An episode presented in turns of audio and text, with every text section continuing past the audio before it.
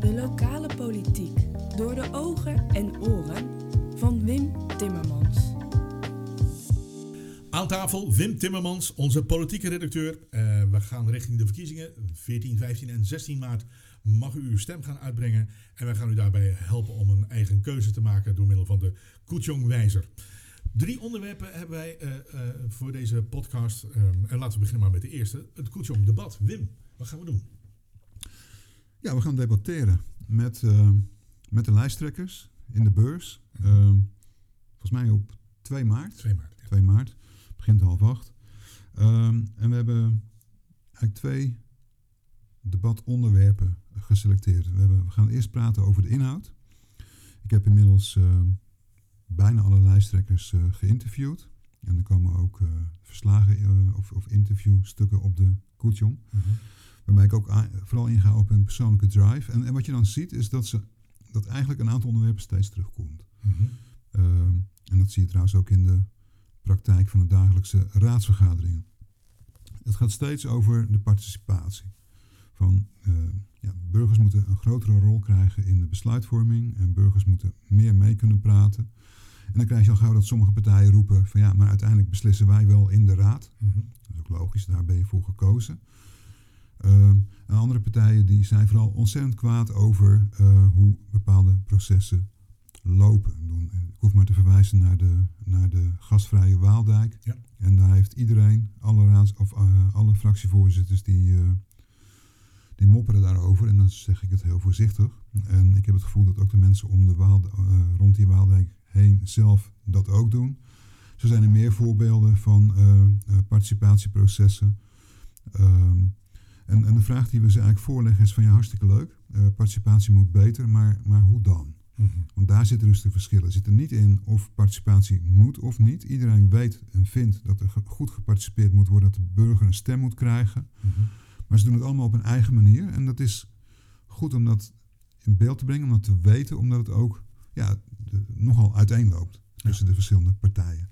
Dat proberen we in uh, dat debat uh, uh, boven water te krijgen. Het tweede inhoudelijke onderwerp, dat is, uh, ja, je raadt het al, de energie. -hmm.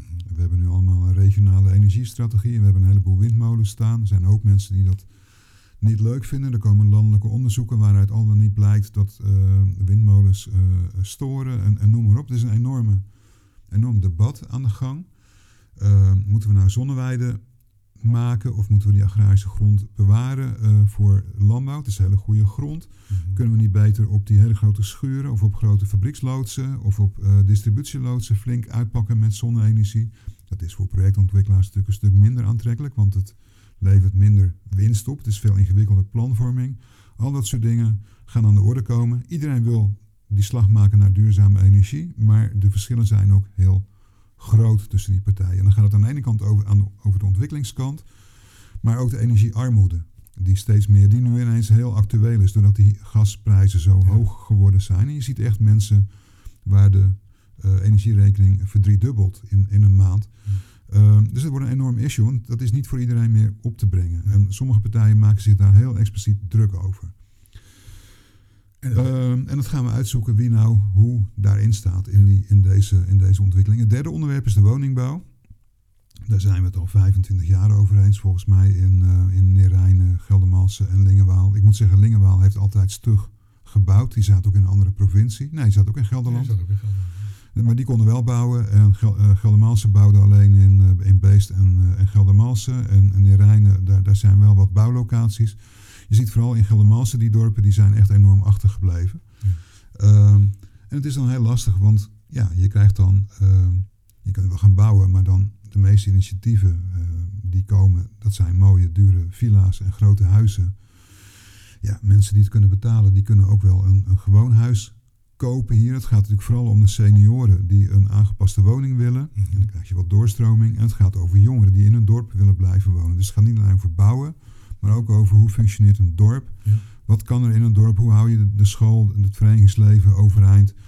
En het laatste, het belangrijkste is natuurlijk hoe betaal je het en welke, welke opties heb je? Nou, daar is iedereen het eigenlijk over eens over die opties, maar hoe we dat dan gaan betalen en hoe we dat dan gaan doen en hoeveel, ja, dat komt er niet uit tot nu toe. En we zijn dan we trekken altijd een hele grote broek aan. Eh, we zijn in West-Betuwe is de grootste gemeente qua inwoneraantal in, uh, in, in Rivierenland. Ja. Maar als je kijkt naar wat we aan woningbouw voor elkaar krijgen, dan, dan, dan, ja, dan zak mijn broek af, want dan trekken ze een veel te grote broek aan. Ja. Bedoel, dat, is, dat schiet gewoon niet op. En waarom krijgen we nou geen poot aan de grond bij de provincie? Waarom wordt er wel heel veel gebouwd in Tiel, in Culemborg en, en toen de tijd in Lingenwaal en niet in West-Betuwe? Willen we dat of hebben we geen zin om, om ons er druk over te maken? Waarom is er 25 jaar lang al het geluid dat we met z'n allen meer woningen in die dorpen willen en dat het nauwelijks gebeurt? Kortom, een belangwekkend onderwerp voor het debat. Dat is één deel van het programma, uh, uh, dit debat. Ja. Maar er is nog een tweede deel? Ja, het tweede deel, daar gaan we, uh, dat hebben we al een keer eerder uitgelegd. Dat, is het verhaal van de, het Koetjong-verhaal van de, van de vier stromingen. Dat is ook waar we nu al in de Koetjong-podcast al mee begonnen zijn, hè, de vorige keer. Ja, klopt. Je hebt uh, grofweg in, in, in West-Betuwe vier, vier, vier smaken. Laat maar zeggen, de, de, christelijke smaak, een liberale smaak, een sociale smaak en een lokale smaak. En er zitten allerlei partijen die daarop zitten. Uh, christelijke smaak, dan heb je natuurlijk over de, de SGP, eh, het CDA en de ChristenUnie. En het is wel interessant en dan gaan we ze ook vragen. We gaan ze bij elkaar neerzetten van wat zijn nou, de, wat zijn de verschillen? De overeenkomsten weten we wel, maar, maar waar zit je nou anders ten opzichte van elkaar in het hele, in het hele gebeuren, in het politieke gebeuren? Je hebt uh, twee, twee liberale partijen. En ja, ik ga nu nog niet dat tipje van de sluier optillen, maar die verschillen echt heel veel van elkaar. Je hebt de VVD en D66. En ook aan hun gaan we vragen van, niet van waar, waar vinden jullie elkaar, maar wat zijn nou de verschillen in dat, in dat liberale spectrum? Ja. Ehm, de derde, dat zijn de, de, ik noem hem even de sociale partijen. Dit zijn even grove benamingen, maar dat is dan de, de GroenLinks, uh, Partij van de Arbeid, en je ziet daar ook ChristenUnie en D66 die zich heel nadrukkelijk sociaal manifesteren. Maar ook daar, het is niet allemaal hetzelfde. De een wil uh, mensen helpen zodat ze zichzelf kunnen redden. De ander wil, gaat toch meer op de toer zitten van het pamperen van, van uh, mensen met een smalle beurs. Er zitten heel veel smaken in. En de een doet het vanuit de kerk, de ander vanuit het duurzaamheid. Nou, noem het allemaal maar op. Mhm. We willen ook aan hun vragen, niet waar zijn het over eens? Want natuurlijk, iedereen wil dat iedereen hier mee kan doen en goed kan wonen. Maar die sociale partijen verschillen wel degelijk fors van elkaar. En het is heel fijn om dat onderscheid nou eens een keer goed te maken. Nou, de derde stroming, uh, dat is de lokale, sorry, de vierde stroming, dank je. De vierde stroming, dat zijn de, de, de lokalo's, zeg maar. Daar hebben we drie smaken van. Uh, dorpsbelangen, uh, leefbaar lokaal belang en uh, Verenigd West-Betuwe.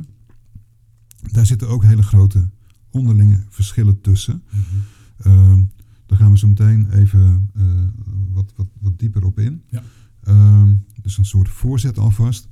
Maar ook daar willen we aan, aan de lijsttrekkers gewoon vragen van waar, waar leg jij nou in het dienen van het lokale belang, in het, in het naar voren brengen van wat hier gebeurt ten opzichte van wat er allemaal landelijk moet. Waar leg jij nou je prioriteiten en waar zitten voor jou de zwaartepunten en wat doe je wel en wat doe je niet? Ja.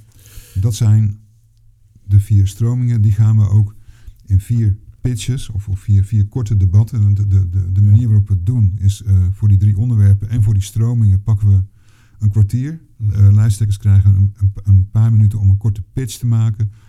En dan gaan we proberen om die verschillen uh, nog wat helderder te maken voor iedereen, zodat we ook weten wat je in grote lijnen kunt verwachten van een partij. 2 maart Aanvang half acht Schenkerij de Beurs in Geldermalsen. Daar gaat het plaatsvinden. U bent van harte uitgenodigd. Gelukkig zijn de coronaregels en nadat we iets uitgebreider publiek daarbij aanwezig kunnen hebben. En dan gaat het gebeuren. Dus het is ook heel erg handig voor de campagneteams om vooral alle analyses van Wim tot nu toe en de komende analyses nog uh, goed door te nemen. En voor u is het ontzettend handig, want het helpt u met de Koetjong wijzer.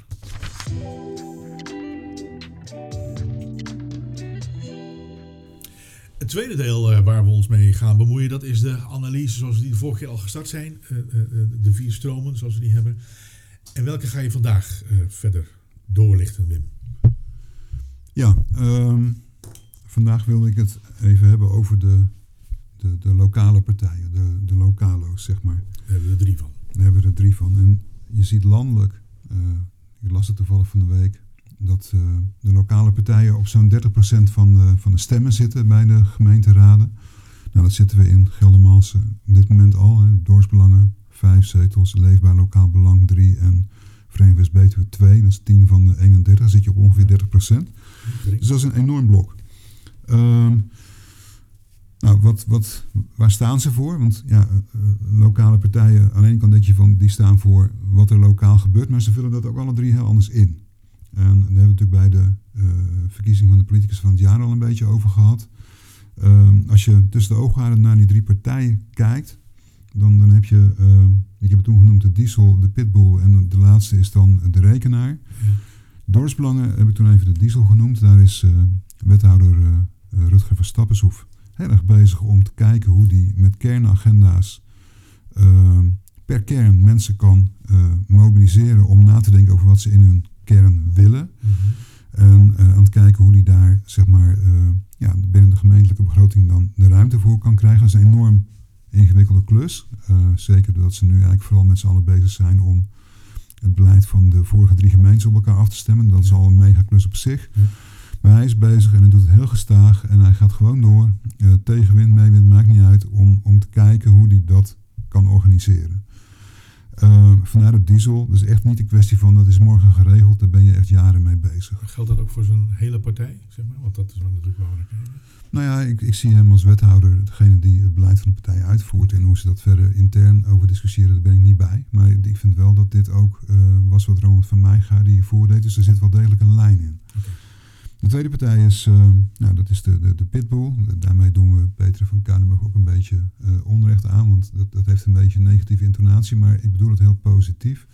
Het is iemand, uh, een partij die vooral op het moment dat er ergens een beslissing in de lucht hangt die voor omwonenden heel negatief uitpakt, en dan moet je bijvoorbeeld denken aan een rotonde in Hellau of aan een verbreding van de A2 dan, zijn, dan is die partij heel erg goed in staat om op heel korte termijn heel veel mensen te mobiliseren om zich uit te spreken, om zich ermee gaan te bemoeien en om heel veel druk te mhm. zetten op het college, op de gemeente, op de provincie en op het Rijk, om, om die plannen nog eens een keer goed uh, te bekijken en om die leefbaarheid van die kern van de omgeving uh, ja, goed tot zijn recht te laten komen. Want linksom of rechtsom, uh, uh, wanneer zo'n Rijkswaterstaat die A2 gaat verbreden, dan ja, dat is toch ook vooral een aantal ingenieurs die een, een heleboel asfalt neer willen leggen en dat willen verbreden.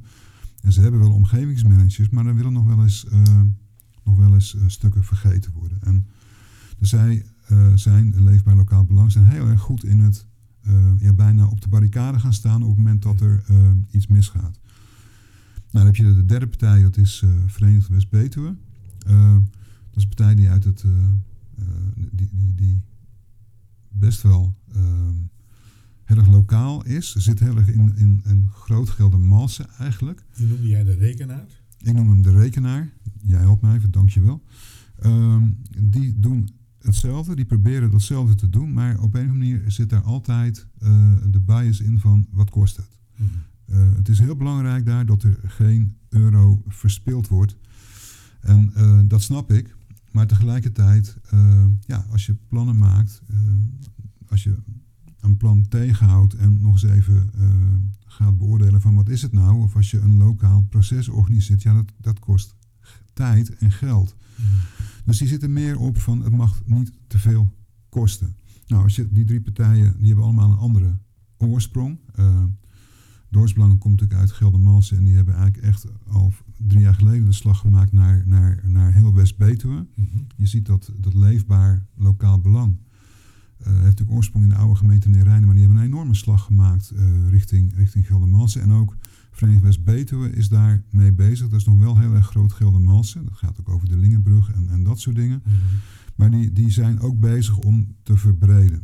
En uh, nou, als je dan kijkt van hoe verhouden die zich dan tot de, tot de landelijke partijen dan, dan zie je dat, dat in die lokale partijen zit eigenlijk alles. Dat, dat varieert van heel links tot heel rechts, van christelijk tot ja, atheïst wil ik zeggen, tot niet gelovig, uh, groen, blauw. Dat zijn uh, allemaal mensen die heel erg vanuit lokale problemen, lokale wensen bij elkaar komen. Dat betekent ook dat uh, ja, dat zo'n gemeente of dat die partijen uh, best wel moeite hebben. En omgekeerd met wat er vanuit het Rijk en de provincie op ons afkomt. Ja. En je ziet dan dat uh, in, in de provincie, daar, daar, daar moet je heel veel dingen regelen. Woningbouw, verkeer, nou, noem allemaal maar op. Je moet inspraakreacties, bereid je voor met rivierenland. Dan, dan zit je heel erg met de traditionele partijen die daar in het college zitten en in het kabinet. En daar hebben die lokale partijen wat minder goede banden mee. Het is wel zo dat er vanuit allerlei partijen leden in die lokale partijen zitten. Mhm.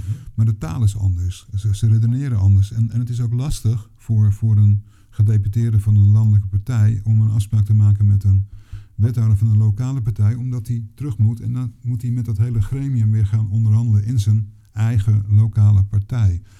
Uh, dus daar moet echt nog slagen gemaakt worden. En, en, dat, is, dat is moeilijk, maar ik vind dat professionele bestuurders, en dat zijn wethouders, gedeputeerden, Tweede Kamerleden en ministers.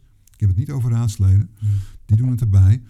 Maar die, die moeten daar ook een taal ontwikkelen, een, een manier ontwikkelen om beter te gaan samenwerken. Mm en, en daar komt bij dat je natuurlijk een, je hebt een, een, een trend uh, landelijk dat er heel veel beleid gedecentraliseerd is, heet dat. Uh, en dan moet je denken aan de WMO, de wet uh, goh, help me. Maatschappelijke ondersteuning. Wet maatschappelijke ondersteuning. Dat is een aantal jaren geleden door het Rijk met een enorme bezuiniging aan de gemeentes overgedragen. Ja. Onder het motto, we willen maatwerk per gemeente. Maar daar, daar, daar heb je nu ineens, dat, dat, daar zit die relatie tussen uh, Rijk, uh, de landelijke partijen, provinciale partijen en dan ineens die lokalo's is best een lastige. Omdat die lokalo's, daar zit links rechts, groen, grijs, christelijk, niet christelijk door elkaar. En dat zie je ook bij de omgevingsvisie. Er is veel meer verantwoordelijk bij, verantwoordelijkheid bij de gemeentes neergelegd. Um, ja, en, en, en daarmee hebben die lokale partijen natuurlijk heel veel macht gekregen. Maar ze moeten ook heel erg die taal van het landelijke beleid uh, gaan, gaan, gaan verstaan. Nou, ik zeg even van, je hebt drie lokale stromingen. Er zijn natuurlijk ook een paar uitzonderingen. En uh, één uitzondering vind ik zelf, uh, dat zijn de SGP ChristenUnie. Dat zijn partijen die hebben eigenlijk ook een enorm lokaal anker. Maar dat is meer, niet zozeer vanuit de kernen, maar vanuit de kerken. En dat leidt één letter, maar het is best wel een groot verschil. Mhm. Dus die zijn enorm goed georganiseerd vanuit, vanuit dat. Waarbij de ChristenUnie in, in Lingenwaal eigenlijk ook een soort lokale partij wilde zijn. Dus die hadden binnen dat, de smaak ChristenUnie hadden ze zich heel erg op het lokale gericht. Wat je dan nu op straat ziet, en dat is, dat is wel lachen, van, ik hoor altijd iedereen roepen van ja, je ziet ze vier jaar niet en nu zie je ze wel. Dan, dan, dan zie je dat, dat, uh, dat die lokale partijen en die partijen met jongeren en die partijen in de kerk, die zie je nu heel veel op straat. Die zijn dan aan het canvassen. Er komt een groepje mensen met hetzelfde shirt op je af tijdens de markt en die beginnen je te bekeren of wat dan ook. Voor D66 of voor de SGP of wat dan, nee, noem het maar op. Ja. Het is eigenlijk best wel knap dat ze het voor elkaar krijgen. En je ziet dat de landelijke middenpartijen, dan heb je het over PvdA, CDA, VVD, die hebben een enorm, die hebben best wel een probleem. Die hebben weinig mensen uh, die lid zijn.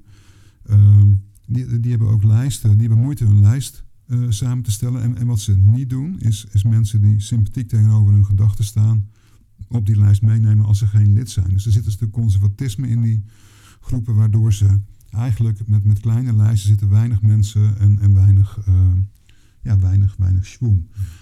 Zie je ook als je naar, uh, als je naar een ledenvergadering kijkt, de SGP, dan zit de hele raadszaal vol. Er zitten gewoon 200 mensen. En bij de middenpartijen mag je blij zijn als je er 10, 20 hebt. Uh, dus zo zie je dat, dat die lokale verankering, die is, ja, die is bij andere partijen best wel wat minder dan bij die drie lokalo's. Nou, hoe, hoe moet je dat samenvatten? Uh, ik denk drie punten. Uh, ik heb al gezegd, 30% van de mensen stemt lokaal. Dus het is een enorm blok. Ja. Uh, je kunt er niet zonder. En uh, dat moet je ook niet willen, vind ik. Maar dat is mijn persoonlijke mening. Mm -hmm. Ik denk dat, dat, dat democratie ja, begint lokaal. Ik, bedoel, ik heb natuurlijk zelf ook in de raad gezeten. En je zit hier in de haarvaten van de democratie. Ik bedoel, op het moment dat er betrokkenheid is van mensen bij wat er gebeurt in hun leefomgeving. is ontzettend belangrijk. Wij kijken altijd alleen naar Den Haag, maar die gemeente is veel belangrijker voor wat er in jouw omgeving gebeurt. Ja, en dan nog een quote. Uh, dat is nou het verschil tussen de, de landelijke partijen en de, en de lokale partijen. Ik heb het al een beetje benoemd. Uh, de lokale partijen zijn veel breder uh, politiek georiënteerd en er zitten veel meer eh, mensen vanuit hun eigen omgeving in. Maar wat ik ooit een keer een, een wethouder van een landelijke partij, ik ga geen namen noemen hoorde zeggen, is uh, tegen een inwoner van een van de dorpen die ongelooflijk actief was in dat dorp. Ehm, er was een dorp dichtbij, God, nou was gewoon Spijk. Er was iemand die, ehm, die heel actief was, zei het al, en die zocht een woning en die klaagde over die, dat hij geen woning kon vinden. En die wethouder zei van, dan kan je, waarom ga je niet in Tiel wonen? Dat is natuurlijk waanzin ten top. Ja. Maar dat is wel ehm, ja, wat, wat de landelijke partijen al snel kenmerkt. Die denken in grote lijnen en veel minder in de persoonlijke of de menselijke maat. Dank je Wim voor eh, dit blok weer. Eh, volgende podcast is er eh, weer een analyse. En vergeet niet, 2 maart hebben we de debatavond om half acht in Schenkerij de, de Beurs in Geldermalsen.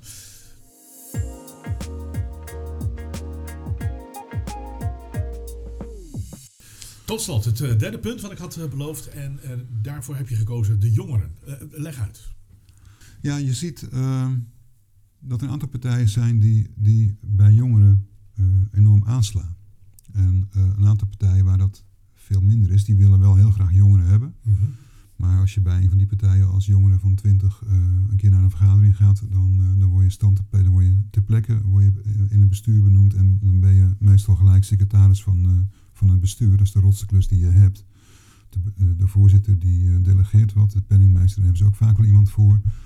En al het werk eh, moet dan door de secretaris gedaan worden. En eh, dan zie je die jongeren ook binnen een week afgehaakt zijn.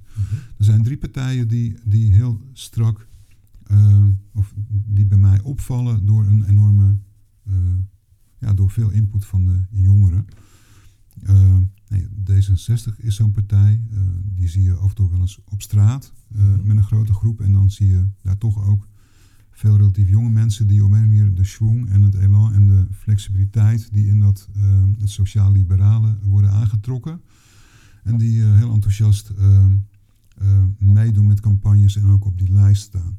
Het zijn niet de jongeren van 20, ze zijn iets ouder, maar er zijn er wel veel. Je ziet dan GroenLinks, ook een partij waar het heel erg bij speelt. En daar zit het hem in het activistische. Ja. Ik heb met ze gesproken en eh, wat, wat GroenLinks doet natuurlijk twee dingen. Die probeert aan de ene kant die tanker van gemeentepolitiek langzamerhand wat te laten opschuiven in hun richting. Ja. Maar dat zijn niet dingen waar jongeren enthousiast van worden. Want dan moet je twintig jaar eh, lobbyen en besturen en dan gaat het een klein beetje jouw kant op. Dat trekt jongeren niet aan. En dat is ook iets wat andere partijen zich kunnen aanrekenen, denk ik. Maar wat, wat GroenLinks ook doet, is als er een concreet probleem is, eh, dan probeer ze dat meteen aan te pakken. En een, een voorbeeld vind ik dan, eh, maar, die, die ballonnenmotie die een, een jaar geleden eh, door GroenLinks werd ingebracht in, in de Raad. En hij was even heel concreet van, eh, er was ineens in het nieuws van hey, de, in de vogelmagen en in vissenmagen, daar stapelt het plastic zich op. En die eten al die kleine stukjes plastic, die zien het verschil op een gegeven moment niet meer. Dus die pakken alles wat ze, ja, die hebben niet wat wij kijken, wat ligt er op een bord, en, maar die pakken het gewoon. En dan werd er meteen een motie gemaakt van we gaan wat doen. Laten we het gebruik van eh, ballonnen bij evenementen terugdringen. Want daar zitten heel veel, eh, natuurlijk heel veel ballonnen, heel veel plastic. Vaak ook nog stukjes ijzerdraad en dat soort dingen. En dat is heel slecht. Dus laten we gewoon eh, met elkaar afspreken dat we het hier niet meer doen. En ja, dat, dat, is een, dat spreekt jongeren ontzettend aan. Dat je gewoon meteen hier en nu op basis van een concreet probleem ook iets gaat doen. Of probeert te doen. En dat doenerige, dat activistische, dat spreekt jongeren enorm aan. Ja, de derde partij die dat vanuit een eigen volstrekt andere traditie eh, heeft, is de, is de SGP. Die hebben ook nog als enige ledenvergaderingen waar 200 mensen eh, opdraven. Maar die hebben ook een bloeiende jeugdvereniging vanuit die basis in de kerk dan weer. Dus ook daar zie je dan ineens heel veel mensen eh, van jongs af aan zich in die partij roeren. Ehm, dus op een eigen manier, maar ze hebben wel een heel grote jongerenafdeling. En wat je dan bij de meeste andere partijen toch ziet, is dat eh, er zit wel eens een jongere, en, je hebt er vast wel een paar, maar eh, ja, die hebben niet, eh, niet, niet heel erg concreet beleid of, of, eh, om, om dat voor elkaar te krijgen, dat ze die jongeren betrekken. Dus je ziet dat die, die drie partijen die ik noem, die zijn daar heel sterk in en heel actief mee bezig. Elk vanuit hun eigen eh, motivatie. Ja, 23 februari is de opname voor het jongerendebat. Ik, ik geef u het er alvast mee, daar worden ook opnames van gemaakt, dus dat valt terug te kijken. En dan valt er ook te kijken of de partijen geluisterd hebben naar de analyse van Wim. Nou ja, ik weet niet of ze dat zo snel doen, maar ik ben ook heel benieuwd hoe dat eruit gaat zien. Want dat is met een aantal scholen volgens mij. Ja, dus die krijgen waarschijnlijk studiepunten als ze een vraag stellen. Dat weet ik niet. Ik heb geen idee, maar Dat zou, eh, ik ben heel benieuwd. we gaan het zien. Dankjewel.